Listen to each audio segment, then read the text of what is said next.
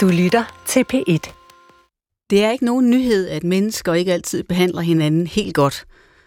Og jeg tror ikke, der er noget, man måske angrer dybere, end hvis man ved, at man bevidst har ydmyget et andet menneske. Der findes også øjeblikke i mit liv, hvor ydmygelsen virkelig har været der. Og nogle gange tror jeg, at de vil festne sig endnu mere i takt med, at jeg bliver ældre. Det vil vise sig. I hvert fald så er der ingen, der er så stærk, at man ikke er til kan komme til at føle sig meget lille, og det er begrebet ydmygelse, vi skal tale om i den her udgave af Surine og Kærligheden. Mit navn er Surine Godfredsen, og jeg vil så gerne forstå, hvordan vi trods alt det, vi kommer ud for, kan fastholde lysten til at leve på den her jord. For hvem ved, måske er det også kærligheden til selve livet, der skal æres, og ikke altid bare den kærlighed, vi føler for et andet menneske. Jeg længes efter forvisning om, at vi nærmest uanset hvad, kan bevare en tro på livskraft.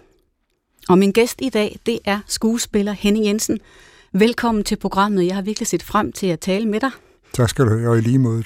jeg ved på grund af din seneste bog, En skidt knægt, der handler om din barndom og forholdet til din far og mor, at du bestemt kender til at føle sig ydmyget. Og jeg har som det første lyst til at spørge dig, om det er ydmygelsen, der i særlig grad har formet dig det formede i hvert fald den første halvdel af mit liv, må jeg sige. Øhm, hvis du er blevet ydmyget nok, så er du ikke det stærkeste menneske at sende ud i verden. Altså. Og øh, jeg var endnu så langt ude på et tidspunkt, da det begyndte at gå mig rigtig godt som skuespiller. Jeg tænkte, har du snydt dig til det, eller har du fubbet dem til det, eller sådan et eller andet? For det kan jo ikke være rigtigt, det her, men det var det så heldigvis. Så øh, men øh, på et tidspunkt midt i livet, der begyndte disse ydmygelser at forsvinde, synes jeg. Men, og jeg tænkte en tanke, da jeg satte mig ned og skrev den her bog. Der var en mening med det. Jeg tænkte, forstår du, jeg har noget med, at, at jeg hele tiden kan se min mors ansigt foran mig. Det sidder som om, det er brændt ind i nethinden, altså. Og hvis jeg bare tænker på hende et sekund, så altså, er hendes ansigt der. Og så tænkte jeg, det her, det kan jeg sgu ikke holde ud at leve med resten af mit liv. Så jeg vil skrive mig ud af det. Og jeg tænkte, hvis du nu skriver helt minutiøst om, hvordan det var at være barn i den familie, øh, så er du nok, kan du nok komme af med det. Og selvfølgelig skete der det stik modsatte ved det. Altså, hvis du sætter dig ned og minutiøst skriver din barndomshistorie, så bliver du suget ned i den en gang til.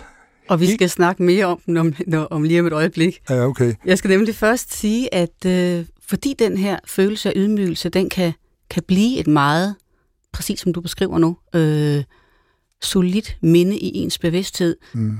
så vil jeg fremkomme med det postulat i den her øh, indledning af programmet, som vi forhåbentlig kan blive inspireret af, der lyder sådan her. Der findes i mange menneskers liv en bestemt ydmygende oplevelse, der gennem hele ens tilværelse bliver ved med at vende tilbage til bevidstheden. Tror du, at det er rigtigt? Ja, det tror jeg. Desværre. Har du selv en, der er den ene oplevelse?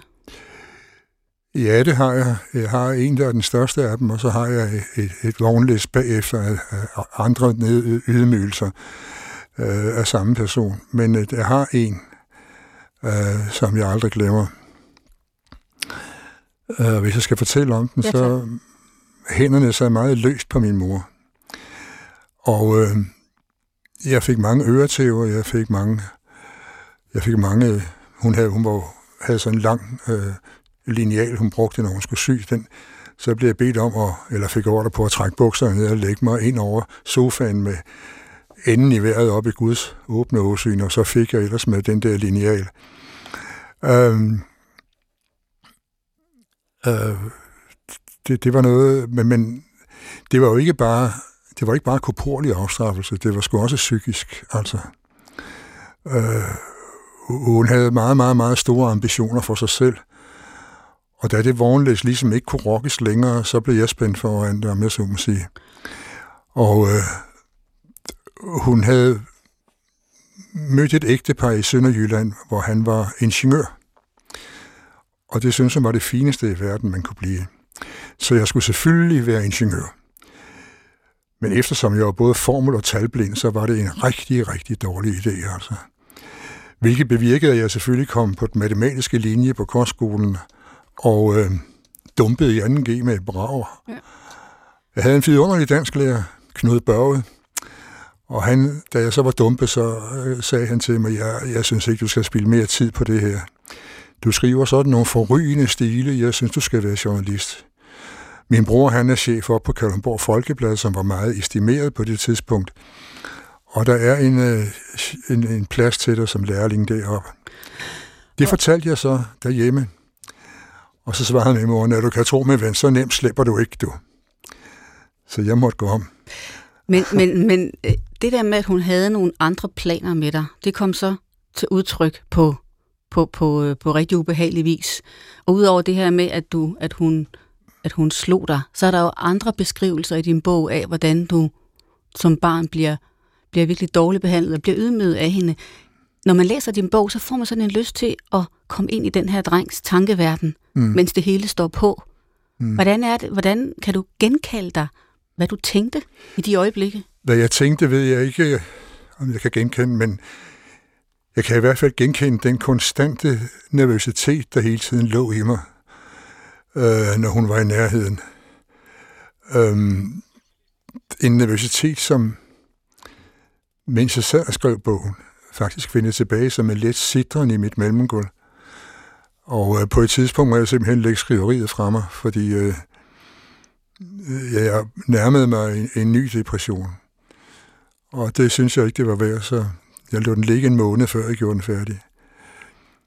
Øh, men der er så mange altså, øretæver og tæsk, og så det der med at blive spændt for et karrierehjul, som jeg ikke havde nogen mulighed for at, at tilfredsstille, fordi mit sind og mit jeg var helt, helt anderledes tunet. Men jeg startede dog på Københavns Universitet, og så havde jeg nede på kostskolen efter kl. 11 ligget og hørt noget natradio, der var. Øh, ofte så hørte man Henning Morrison synge Teenager Love. og da jeg så kom til København, så ville jeg ind og se den. Og jeg så den i hvert fald anden akt 27 gange det efterår, det, op på galleriet, som ikke var dyrt. Og så sagde det bange ind i mig, og så tænkte jeg, lad det briste eller ej, men nu ved jeg, hvad jeg vil. Jeg vil være skuespiller. Og inden vi kommer til det, og inden jeg slipper dig som en lille dreng, så, så, er, der, så er der en scene i bogen, som, som virkelig er hjerteskærende. Og det mm. er et sted, hvor din mor vil øh, tvinge dig til at tage tøj på. Ja. Og den scene er så voldsom, fordi at det er så det, det, det er over et langt forløb, du skal stå og tage tøjet på, selvom mm. du er vant til at få hjælp, ja. øh, og egentlig ikke rigtig er stor nok til at gøre det selv. Nej. Hvad er det øh, i sådan et øjeblik, hvor du, hvor, hvor du jo adlyder hende, men jo har det forfærdeligt undervejs? Hvad er det? Kan du, kan du selv huske præcis, hvad det er, der sker der? Skam, skam, skam. Synes jeg. Øh, min mormor plejede at hjælpe mig tøjet på, inden min mor hun kom op overhovedet. Og, øh, men den dag, der besluttede hun sig for, at nu skulle hun sagt mig se mig selv tage det på. Og, sådan noget. og det kunne jeg ikke. Altså, jeg, altså, det var sgu lige før, jeg tog bukserne på hovedet, men så lidt slemt var det dog ikke. Men altså, det var mig umuligt at vende den trøje rigtigt, altså, så videre, så videre, så videre. Og øh, så gik hun helt amok, og slog og slog og slog og slog. Og hvordan, hvordan har jeg været i stand til at føde en unge, der er så dum og helt igennem ubegavet? Det var ordene.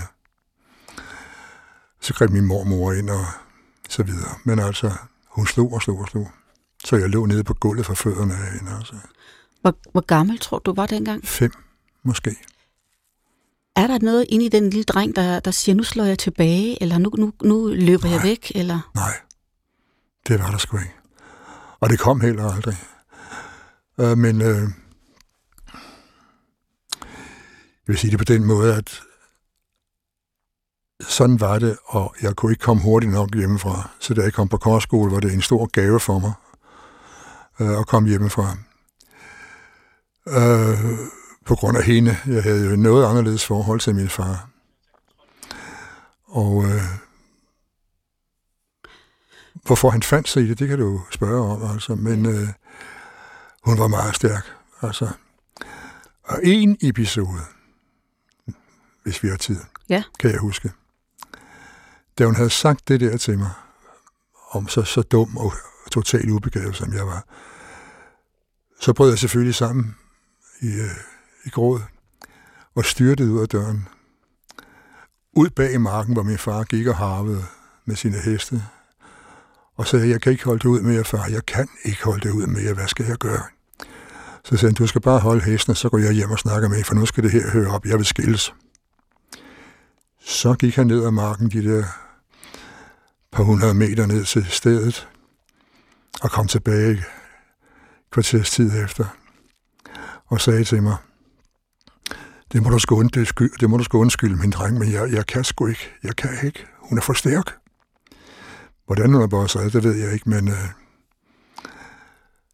men øh, og det, når man taler om svigt, nu vi taler om min mors svigt, min far synes jeg aldrig svigtede mig, undtagen lige der.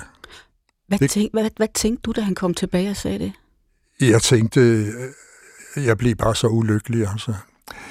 Jeg, jeg tænkte ikke noget negativt om ham med den lejlighed, overhovedet ikke. For jeg kendte hende jo, og jeg var vant til at være sammen med mit daglige, så... Øhm, og det mærkelige var, at han var sådan en, en rund og mild mand, mm. altså, i modsætning til hende. Øh, så han havde måske ikke de våben, der skulle til, altså. Men øh, ja. Jeg ved ikke, om det her det er sådan et lidt et, uh, ubehageligt spørgsmål, men uh, tror du, at, at din mor kunne lide at ydmyge dig? Åh, oh, det, det, det vil jeg ikke sige ja til. Det vil jeg altså ikke. Men man må også lige, hvad jeg også har skrevet om i bogen, tænke på hendes baggrund. Født uden for ægteskab af en mor, der kun var 18 år på det tidspunkt. Øh, I hendes ungpigeværelse i den kæmpe lejlighed i, ude på Østerbro, hvor hun var tjenestepige af det lokale postbud. Og øh, kom hjem med det her barn til sin far, min oldefar. Og øh, han var en statsmand. Han byggede et hus til dem, eller til hende, som står der nu, et meget smukt gult hus, på hjørnet af hans grund ud mod hovedgaden i Store Tornby, nede på Stævn, som det hedder. Og der boede hun så med, med sin hovedunge. Og min mor fortalte mig, at når hun gik fra skole, så kastede de andre børn sten efter hende og skreg polak, polak, polak. Det var et udtryk nede fra, fra ja, de, de polske øh, sukkerroearbejdere, som fik sådan nogle børn nede på Lolland. Og øh, kastede sten efter hende og så videre. Så lærerne til sidst lod hende blive inde i frikvartererne og sådan noget. Så opdrættede min oldefar en stor cheferhund, som fulgte hende i skole hver dag. Og når så 10 minutter før dagen var forbi, så sagde han, min, far, min oldefar til den, så King, gå op og hente Ebba. Og så rejste den så, så gik den op, så sad den uden for skoleporten, når hun kom ud. Og da de så første gang havde smidt sten efter den, efter at hunden var med hende, og den havde reageret, så gjorde de det aldrig, aldrig mere. Men jeg forstår godt, at hun var kuget på den måde, virkelig. Når hun fortalte dig den slags fra sin egen barndom, lavede du så den kobling ind i hovedet, at uh, der da var en... barn? Ja. Nej, det gjorde jeg ikke. Fordi jeg var temmelig gammel, da hun fortalte mig den historie. Jeg er temmelig gammel, jeg var i hvert fald 14 eller sådan noget. Så jeg kunne ikke lave den kobling. Jeg kunne ikke finde en tilgivelse for det. Eller en forståelse, hvorfor hun var sådan. Jeg ved, Henning, at da du kom på kostskole, der var, havde hun jo også fingrene med i spillet, og ville gerne blive ved med os og, øh, at styre dit liv. Ja. Hvordan, hvordan var hendes rolle på det tidspunkt i dit liv? Der boede du jo væk fra hjemmet. Jo, men hver anden weekend så jeg jo hjem til dem, og hver anden weekend blev jeg der, fordi jeg ville også have noget tid uden hende og så videre. Men øh, så risikerede jeg jo, at hun pludselig kom kørende og bankede på døren til mit værelse. Og så jeg sagde, hvad, hvad, hvad, hvad kommer du der, mor? Ja, jeg skal bare lige se, om du arbejder og læser og bestiller noget, som du sagde, der var grunden til, at du ikke ville komme hjem. Den slags var der meget af. Også da jeg blev voksen efter gymnasiet og kom til København, og havde lejet et værelse hos en, øh, ude på Frederiksberg. Pludselig en dag, så ringede det på døren, og jeg kunne høre, at min værtindgiver lukkede op, og så kom min mor ind. Og øh, jeg kan huske, at jeg havde, jeg havde selv med tus tegnet i kopi af Steinbecks omslag til øh, dagdriverbanden. Et, et meget stort, to meter langt, et, som jeg brugte som sengetæppe. Eller ja, vægtæppe. Og da hun så det, så sagde hun, hvad er det, der kostet? Og sagde, det har ikke kostet noget, for jeg har selv lavet det. Har du lavet det? Ja, det har jeg. Det var dog utroligt, som du kan lyve, knægt, altså. Så, ja, så er det jo svært at gøre hende tilbage. Ja. Jeg ved, hun sagde en eller andet i stil med, at, at, øhm, at hun havde din vilje i sin hånd. Ja. Ved hvilken lejlighed sagde hun det? Hvad siger du? Ved hvilken anledning sagde hun det? Åh, det har hun sagt nogle gange.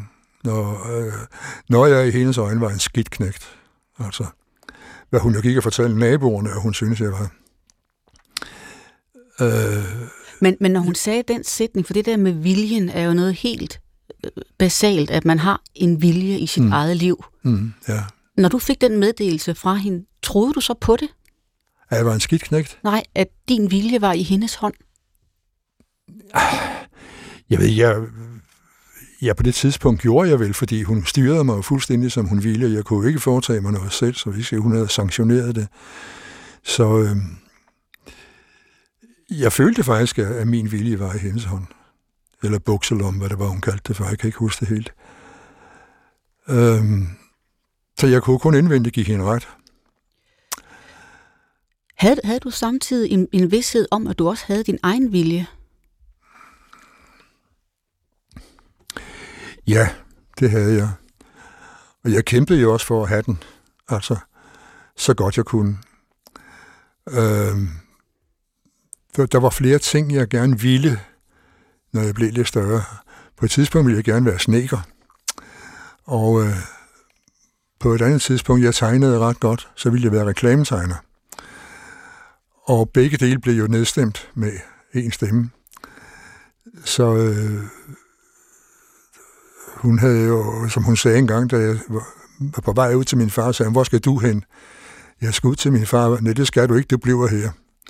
Hvorfor må jeg ikke gå ud til min far? Jeg var vel otte år, eller sådan noget, eller syv, seks. Fordi han er skrov og skvært du ikke være sammen på, og jeg vil ikke have, at du bliver ligesom ham. Jeg har helt andre planer med dig, du. Og øh, så var der nogle år, hvor hun, hun var jo væk om dagen på arbejde. Og øh, når jeg så kom hjem, og jeg så min far komme gående, så forsvandt jeg om bag et hjørne og sådan noget. Eller jeg gik direkte op på mit værelse på loftet. Så det har heller ikke været særlig sjovt for ham, det der. Altså. Det har det sgu ikke. Men senere, på hans gamle dage, hvor hun var død, der fik vi jo et, jeg kan slet ikke beskrive så godt et forhold. Jamen, det er også virkelig rørende at læse om, at de, de finder hinanden på den anden side. Ja, det må det man sige. virkelig. Det skal jeg virkelig love for. Ja.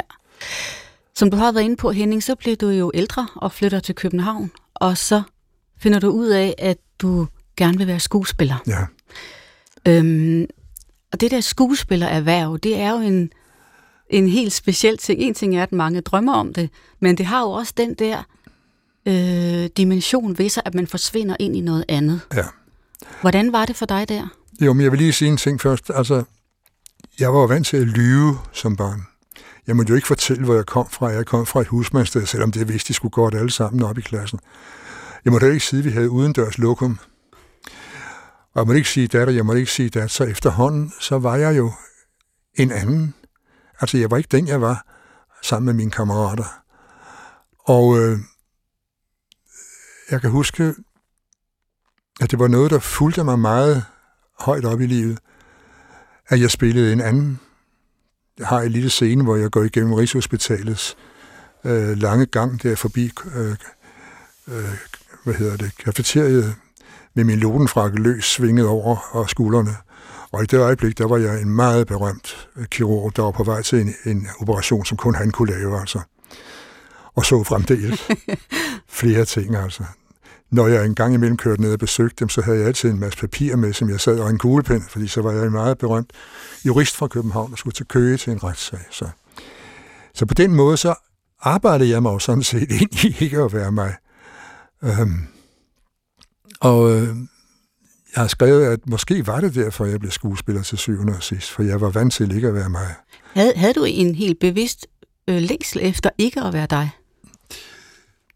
Nej, det gjorde jeg sådan set ikke, men jeg var blevet opdraget til ikke at må sige, hvem jeg var, og så videre, og så videre. Og det sad sikkert dybt i mig. Så øh, øh, ja. Men, men havde du en følelse, at du vidste af stinde, Nej. hvem du var? Nej, det gjorde jeg ikke, du. Overhovedet ikke. Jeg følte mig lidt, som om jeg havde forpuppet mig i et, i et hylster, men at hylstret var øh, så tykt, at jeg ikke kunne kigge ud igennem det. Altså. Men øh, så skete der det, som jeg har fortalt med, at jeg ville ind og se Teenage Love. Og så vidste jeg, hvad jeg ville. Altså. Øh, og så tog det mig alligevel fem år at komme på elevskole. Altså. Men det er jo lige meget. Ja, bortset fra, at det, det har jeg også læst der, hvor du går til de her forskellige øh, optagelsesprøver, ja. og der er jo altså også nogle ret ubehagelige øh, erfaringer der, fordi at ja. John Prise, den øh, meget berømte skuespiller dengang, han var ikke særlig instruktør, sød, instruktør, ja. undskyld, Nej. han var ikke særlig sød Nej. ved dig. Nej. Nej, han sad i juryen, og øh, jeg ved ikke hvorfor, men jeg havde dårligt åbnet munden til de optagelsesprøver der op på scenen, før han sagde, ja tak, næste. Og da jeg så blev ansat på det kongelige teater, så mødte jeg ham på gangene derinde. Og han var jo fast instruktør på teatret. Så skruede han tværs over en bred gang over til mig og sagde, goddag Henning Jensen, var jeg glad for endelig at møde dem. Der er noget, han ville sige til dem i mange år. De og jeg, vi skal aldrig arbejde sammen. Og han blev ved med at chikanere mig derinde. Men, øh, Nå, når så men jeg var jo samtidig indvendigt højrøvet nok til, at jeg kommer fra Statens Teaterskoles første hold i 1900, fra 1968 så var jeg var højrøvet nok til indvendigt at sige, nej, det skal du ikke, fordi du er alt for gammeldags til, min ven. Det stod jeg og tænkte imens, det reddede mig. men, men, men når sådan noget sker og i, over for en som dig, som har prøvet så meget som barn af, mm. af den skuffe, mm. hvordan reagerer du så? Er det sådan, du, du genkender det, eller føler dig sat tilbage i, i den lille drengerolle? Nej, og heller ikke ved den lejlighed. Hvad er det så, der træder i kraft i stedet for? Jeg ved det ikke, men det, der undrede mig meget, det var, hvornår har du set mig spille komedie overhovedet? Det var min første dag på det kongelige teater, altså, men det havde han åbenbart. Og øh, det var det første, jeg tænkte, og så tænkte jeg det andet der, men nej, det er kun godt. Jeg fortalte Paul Reichardt om den historie der, så sagde han, der var du fandme heldig, du. Hvad mener du, sagde jeg så, fordi han er en satan, hvis der er en skuespiller, han ikke kan lide. Så der slap du nok for noget. Ja, og det gjorde jeg nok. og så er du i hvert fald også jo blevet mindet om, at nogle mennesker øh, finder en eller anden form for glæde eller fornøjelse eller selvopfyldelse ja. i at tale sådan. Ja. Så blev du jo øh, ret hurtigt en meget anerkendt skuespiller. Jeg var så, jeg vil ikke tale om talentet, men jeg var så usandsynlig heldig i starten, at jeg var på turné på det danske teater med Astrid Vigum, jeg spillede, hun spillede min mor, jeg spillede hendes søn i Lang dags rejse mod natheden. Og øh, hun skulle i gang med en tv-rolle i... Åh, nu kan jeg sgu ikke huske... Øh, jeg kan ikke huske, hvad den hed, men det var et, et, et Panduro-spil. Et af, han var jo meget berømt mm. på, på tv dengang. Og der havde Helle Carlo Schmidt, som instruerede det, spurgt, om hun kendte en ung mand, der måske kunne spille den unge mand. Og så havde hun sagt, ja, det gør jeg. Og det var så mig. Og fra det sekund, den var kommet i æderen, så har jeg ikke savnet arbejde. Altså. Det må jeg skulle sige. Den bevægelse, du kommer ind i, hvor tingene virkelig begynder at lykkes, hvad sker der så med den fornemmelse af, som du nævnte før, at du ikke helt vidste, hvem du var? Hjælper det på det? Ja, hvad skete der med den? Jeg tror, den forlod mig, faktisk. For nu vidste jeg jo, hvem jeg var. Jeg var skuespiller, og jeg kunne det der og sådan noget, så det betragtede jeg måske som den, jeg var. Men øh, det betød i det her tilfælde, at og hele vejen op gennem 70'erne, var jeg konstant på tv og lave tv-spil, som det hed dengang. Ikke? Og så øh, fik jeg pludselig hovedrollen i en krimi, som blev meget berømt. Øh, ja. Og, jeg tror, ja. den hed 19 Røde Roser. 19 Røde Roser. Mine forældre var meget glade for den. ja, ja, det var godt. Og øh, så øh, gik det godt. Altså, det blev det ved med. Havde du også en følelse af, at du var nødt til at arbejde meget for at holde, øh, holde fastholde troen på, at nu kunne du godt? Ja, men som min mor sagde til mig en gang, hvor jeg var nede og besøgte mig, hvor jeg sagde, at jeg, jeg, jeg havde sagt nej til en opgave, fordi jeg ville have sommerferie. Så, så sagde hun, ja, nu er der jo aldrig nogen, der er døde af at bestille noget. Uh, det var før, øh, at det store stadion nede i Bahrein var bygget, for der var der jo adskillige, der døde.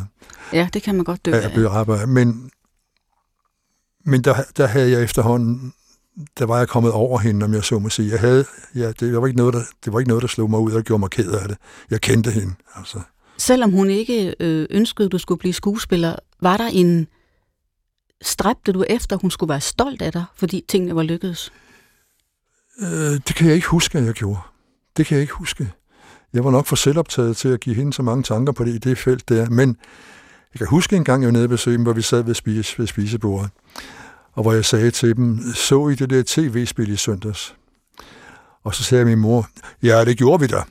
Og kiggede ud af vinduet efter hunden. Det var noget, hun altid gjorde, når hun var sur. Så sagde jeg, hvad synes I om det? Er, ikke, er du ikke bare en gang imellem en lille smule stolt, mor? Stolt? Nu skal jeg sige dig noget, min ven.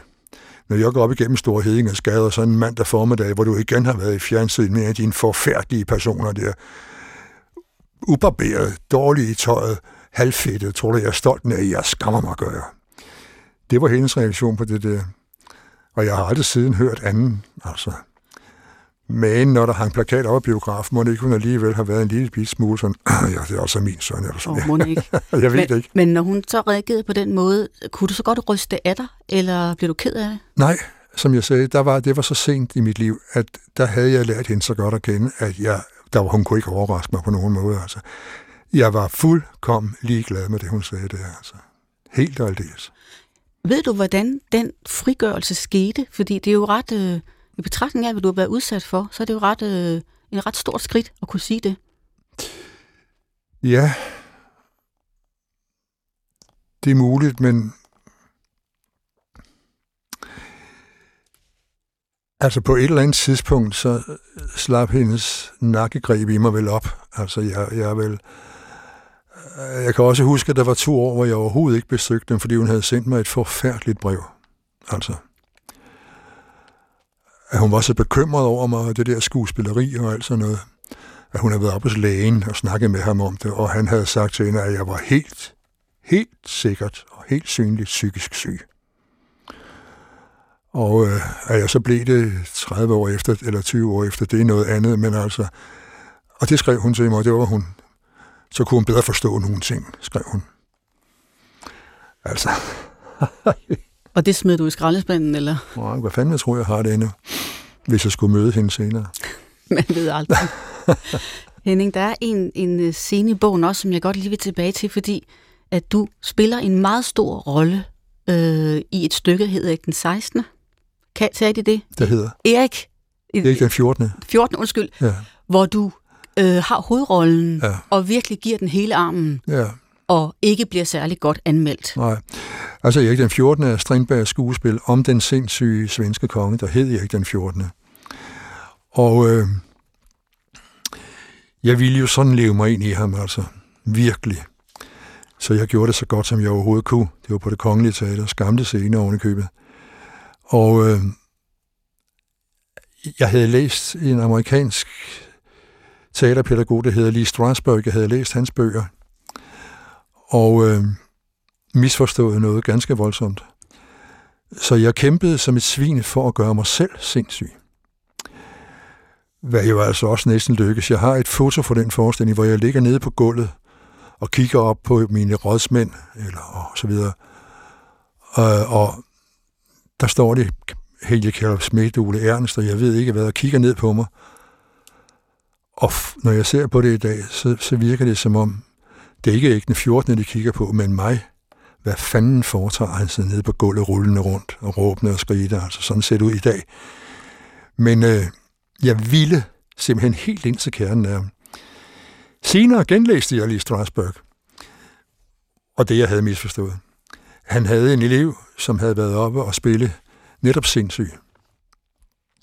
Og så svarede, så sagde Strasberg bagefter, det der, det er noget af det mest fantastiske, jeg nogensinde har set i mit liv.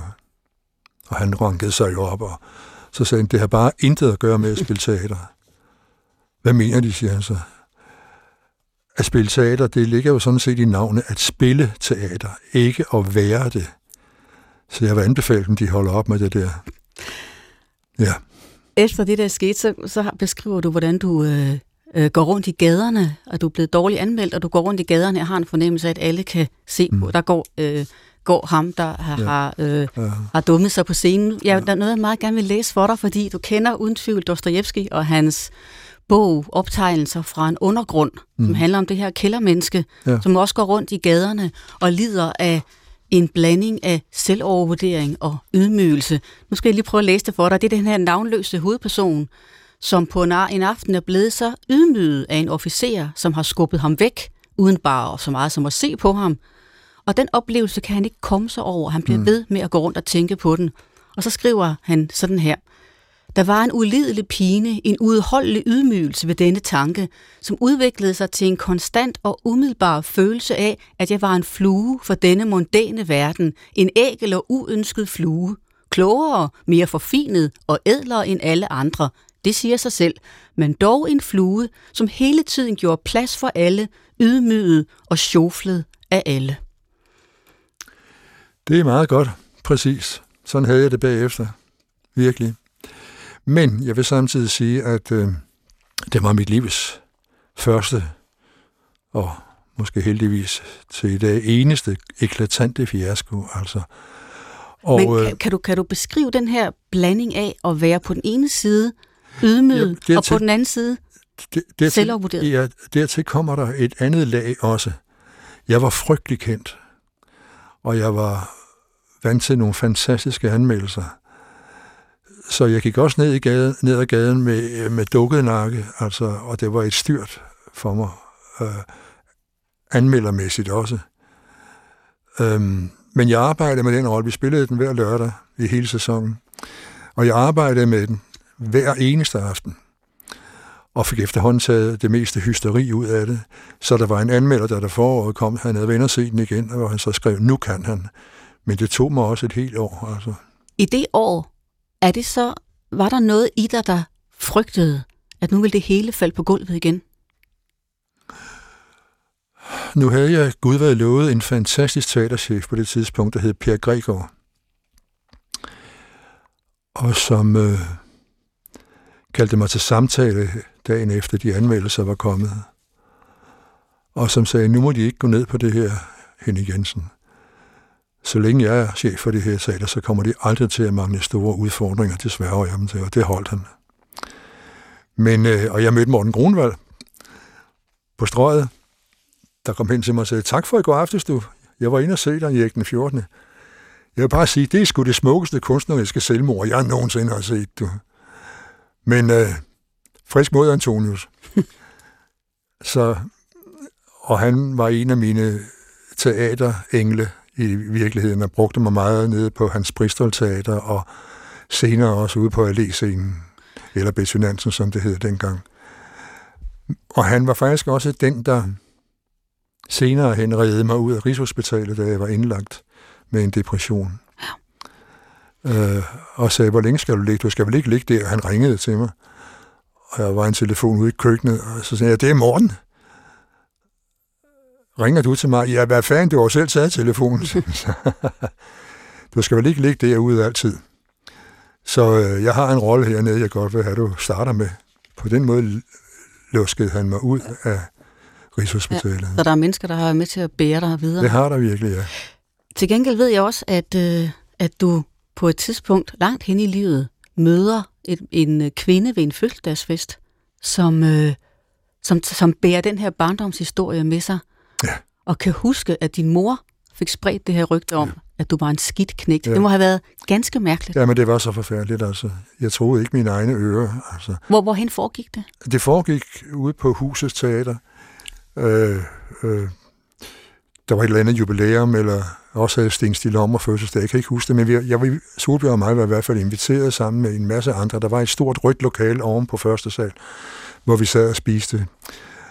Og jeg kom derop sammen med Solbjørn, og hun stod så og snakkede med Sten Stis kone, og jeg gik så et skridt ind i salen, og så var der en bag ved mig, der sagde, Nå, der er du jo. Jeg troede ikke, at jeg skulle se dig her. Du er jo en skidt knægt. Og jeg vendte mig om, og så stod der en dame på min egen alder og grinede. Så sagde jeg, hvad, hvad, hvad, hvad, hvad, hvad mener du med det? Jamen, det sagde din mor jo altid. Det var da helt kendt nede på Stævns. Og jeg kunne have slået hende ihjel, altså. Jeg gjorde det heldigvis ikke.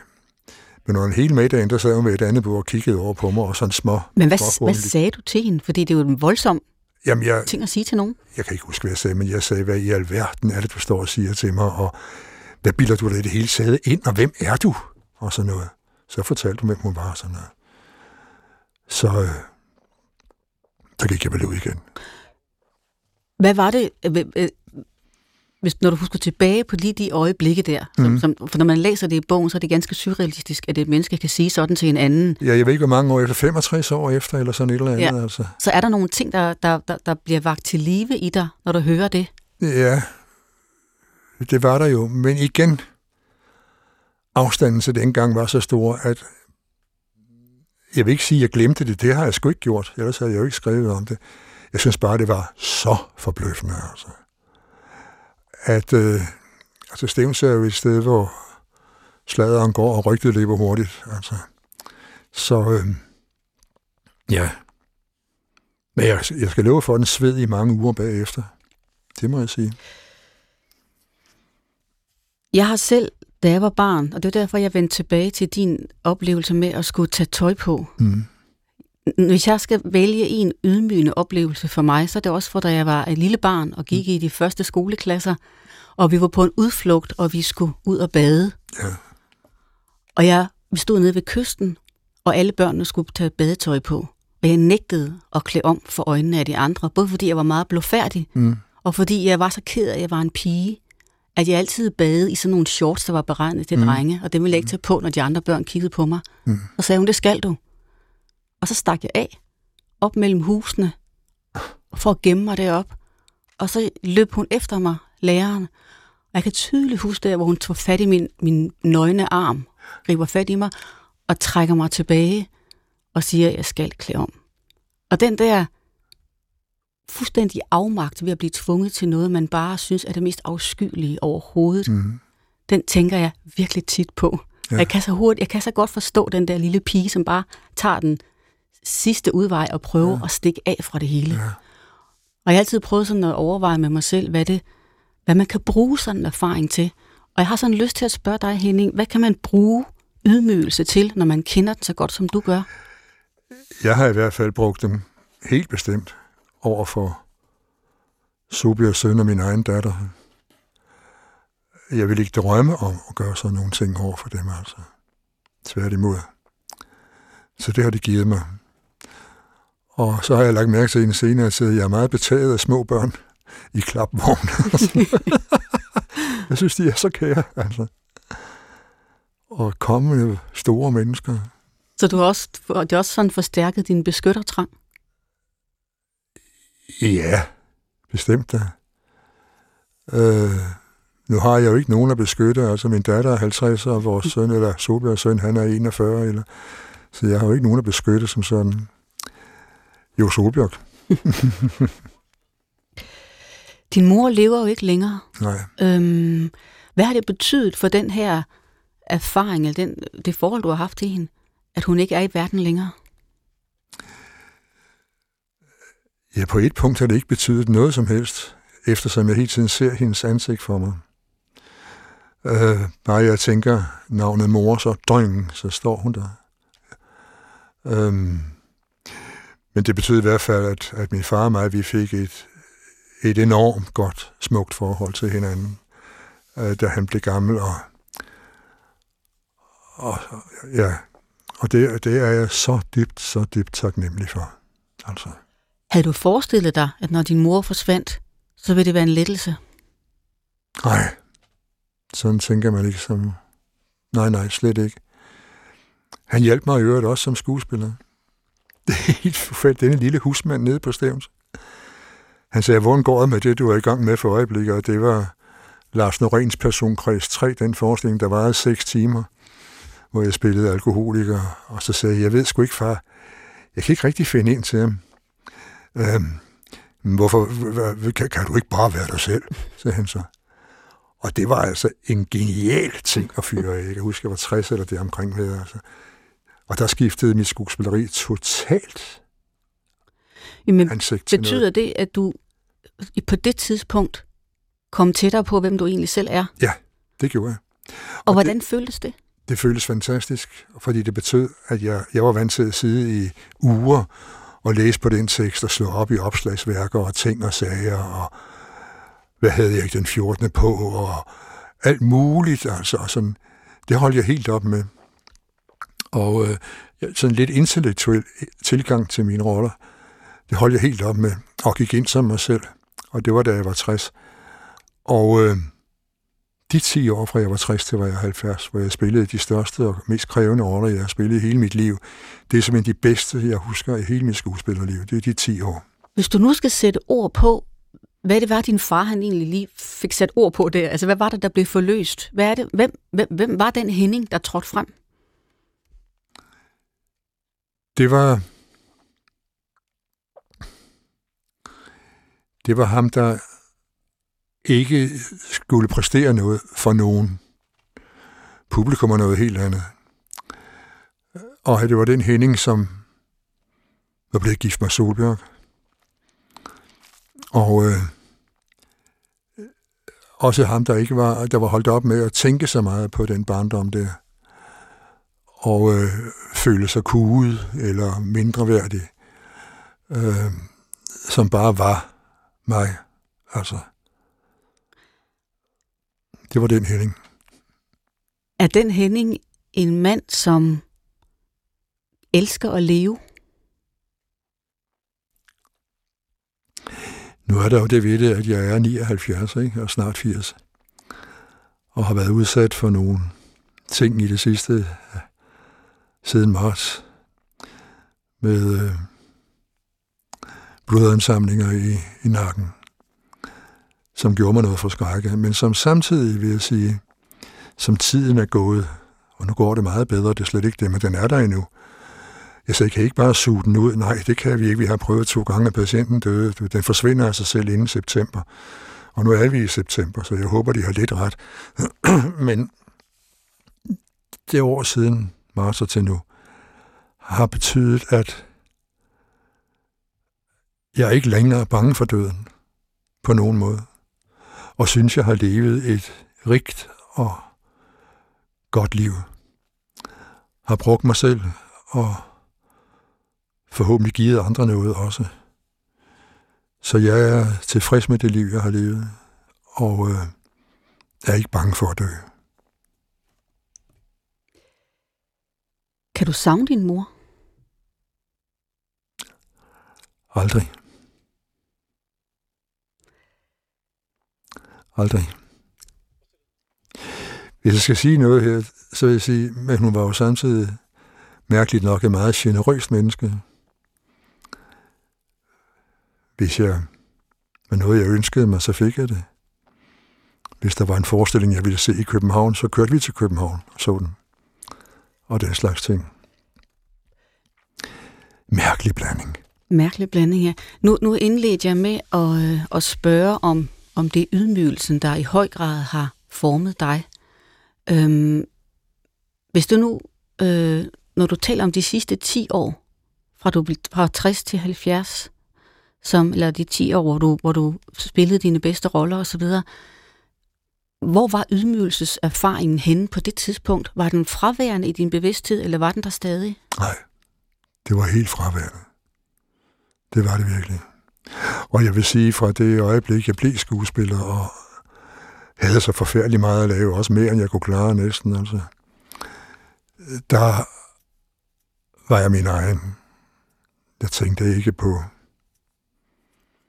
på fortid og den slags ting.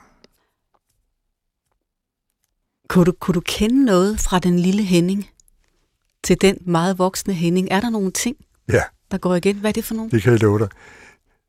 Øhm, den lille Henning var en lille glad fyr, der om vinteren, der var nogle vinter, hvor vores husmandsted var fuldkommen begravet i sne, og jeg stod på hovedet den sne og borede mig ned og lavede huler og gjorde ved. Og om sommeren løb jeg rundt i sandaler og kort bukser og havde det fantastisk godt alene og ude på stedet der. Men jeg var glad, og jeg var ja, jeg, jeg åd livet som barn der, ind imellem. Mm. Så øh, og jeg vil sige, at det tror jeg sgu aldrig rigtig har forladt mig. Det tror jeg ikke. Jeg tror, det har overlevet alle de der drukne forsøg. Øhm,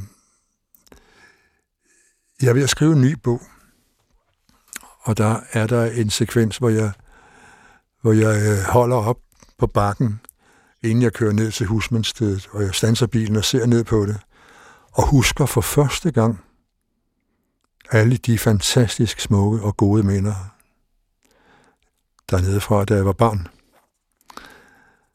Øh, og det, så nu holder jeg mig til, før jeg skulle i skole, om jeg så må sige, når Men jeg tænker tilbage på det. Det er jo meget bekræftende, at du siger det her, Henning, fordi jeg indledte jo også med at sige, at det gør jeg med alle programmerne her, at jeg så gerne vil, vil derhen, hvor jeg kan tro på, at vi altid kan mærke livskraft. Næsten uanset, hvad vi kommer ud for. Uh. Og det er vidunderligt at høre, at den aldrig har forladt dig? Nej, tværtimod, så har den været meget voldsom. Den har været stor, min livskraft. Virkelig. Øh, så skete der det med nakken og blodansamlingen og sådan noget. Men den er ved at vende tilbage, skulle jeg hilse at sige. Hvor tror du, livskraften stammer fra? Jeg så næsten ikke sige det, men måske fra min mor. Og hvordan skal det forstås?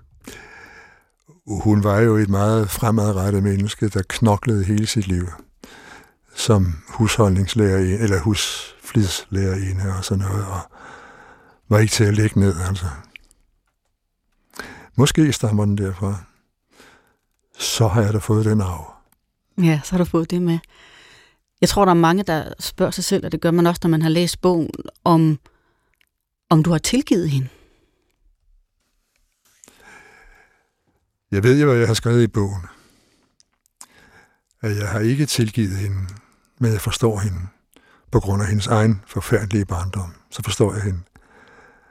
At hun satte nogle mål for mig, som jeg næsten ikke kunne opfylde, altså, fordi det ikke skulle gå mig ligesom hende, og sådan noget. Øh, nu var jeg ikke i stand til i den tid at sige til hende, men du fik dig en smuk mand, mor. øh, men jeg tror, min livskraft kommer fra hende. Det tror jeg. Måske også min far. Han var jo ikke en mand, der gav, gav op over for noget kærligt menneske. Og så kan livskraft jo også komme fra ens egen beslutning. Ja. Har du besluttet, at du vil være et menneske, der bliver ved med at holde af at leve? Jeg er ikke træt af det endnu, vil jeg sige. Øh, og det, jeg siger med, at jeg er ikke bange for at skulle dø, har også ligesom givet mig nogle kilo livskraft tilbage på en eller anden måde. Så er det om at være nødt. Så er det nu og her, det gælder du. Altså.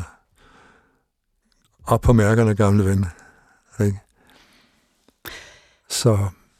Hvad er, hvad er grunden til, at du ikke er bange for at dø? Fordi, øh,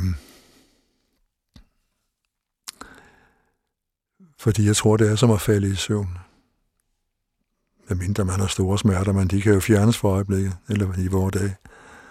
Fordi jeg tror, det er som at falde i søvn. Og det kan jeg godt lide hver dag.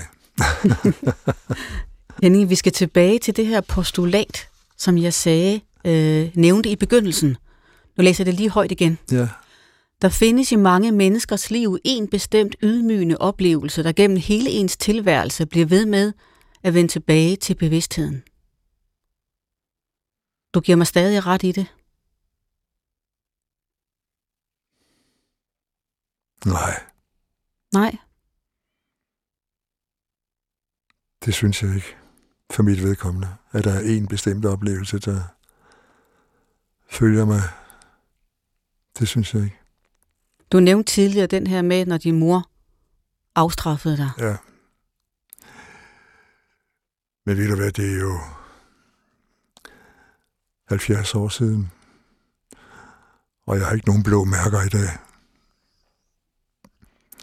Så nu skriver jeg denne bog. Og derfor arbejder jeg mig igennem det hele en gang til. Men det er sgu ikke noget, jeg går og tænker på. Absolut ikke. Har du en fornemmelse af, at man godt med årene, når man bliver ældre, kan flytte sig væk fra de der minder? Hvis ikke jeg havde sat mig til at skrive den bog der, så tror jeg ikke, det var dukket op igen på samme måde. Ja, det tror jeg. Men jeg kan jo ikke vide det. For det indledte jeg jo også med at overveje, om det bliver værre eller bedre med alderen, når man tænker tilbage på de ydmygelser, man har oplevet i sit eget liv. Fordi det, for, det forekommer mig at være et skrækscenarie, hvis det bliver sværere og sværere at glemme dem. Jo, men nu havde jeg så til gengæld den oplevelse, som jeg fortalte om, hvor jeg holdt op på bakken og så ned på stedet. Hvor jeg kun huskede alle de lyse og, og gode ting fra min barndom. Øh, og det var i virkeligheden et kæmpe gennembrud for mig. Det må jeg sige. For den havde jeg jo i al min skriveri, det er jo helt fortrængt, altså. Måske aldrig tænkt på før lige nu, altså. Hvor jeg så mig selv lidt mere udefra som lille barn. Øhm, og det var også først, da jeg blev lidt større, altså at jeg, at jeg fik, at jeg oplevede de ting, jeg gjorde, som ikke var så rare. Altså jeg, jeg tror, det er løgn, men jeg kan huske, at jeg stod i sådan en, en hvid dragt med, du ved, med så, der ender i sokker, hvad hedder sådan en sparkedragt eller sådan noget. Du tror, det er løgn, men det kan jeg. Og min farmor stod bagved og holdt mig på skuldrene, og så stod der en ung kvinde foran mig med udbredte arme, sådan her. Og jeg kiggede på afstanden, og jeg tænkte, der når jeg aldrig over. Og så slap min farmor mig, og så løb jeg over mod hende. Og jeg faldt selvfølgelig lige foran hende, men hun redde mig op og kyssede mig og så videre. Det var min mor. Er det et minde, der vokser for dig? Nej, det er det sådan set ikke. Men det er der. Jeg kan jo nok regne ud, hvordan det har været. Jeg, jeg, som jeg også sagde før, det var sgu ikke, mens jeg var lille, jeg oplevede alle disse svære ting. Det var, øh, da jeg blev en seks, det begyndte, tror jeg, før jeg skulle i skole. Øhm, men ikke da jeg var barn. Tror du, hvis man har oplevet mange ydmygelser i sit liv, at det er en god idé at vende tilbage, ligesom du har gjort? Enten skrive om det, tale om det, opsøge stedet, hvor det skete. Jeg vil sige det på den måde, at da jeg var færdig med at skrive den bog, ville jeg jo ønske, at jeg ikke havde gjort det. Fordi jeg, blev, jeg, blev, jeg vendte tilbage til selv de mindste detaljer. Øhm, den har ikke givet mig nogen lindring at skrive den. Den har ikke fjernet øh, ting. De er kommet lidt mere på afstand, vil jeg sige. Nu er de blevet noget litterært, om jeg så må sige. Men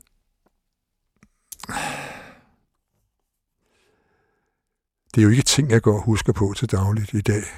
Overhovedet ikke. Um, heldigvis. Til gengæld, Henning, så kan andre få berigelse af at læse om det. Det håber jeg. Det håber jeg. Jeg får mange mails for øjeblikket og breve fra folk, der har læst den, som takker for den, fordi de genkender så meget af deres egen barndom. Og det var også det, der var meningen med den. Så de ikke skulle gå og føle sig, at det er kun mig, der har oplevet sådan noget der hele mit liv. Jeg takker også, Henning Jensen, fordi du vil være gæst her i Surine og Kærligheden i dag. Mange tak skal du have. Og jeg takker, fordi du ville se mig.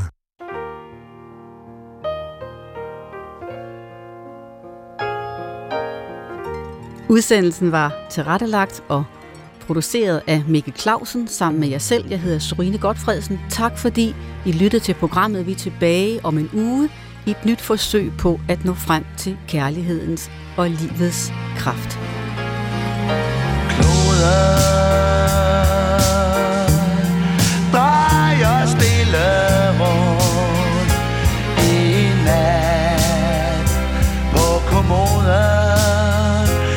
Ligger soja og Karen Bliksen.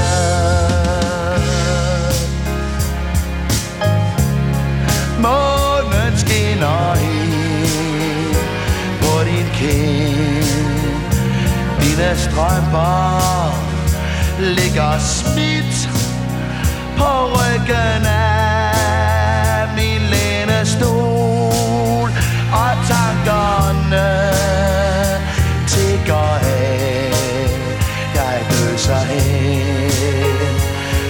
start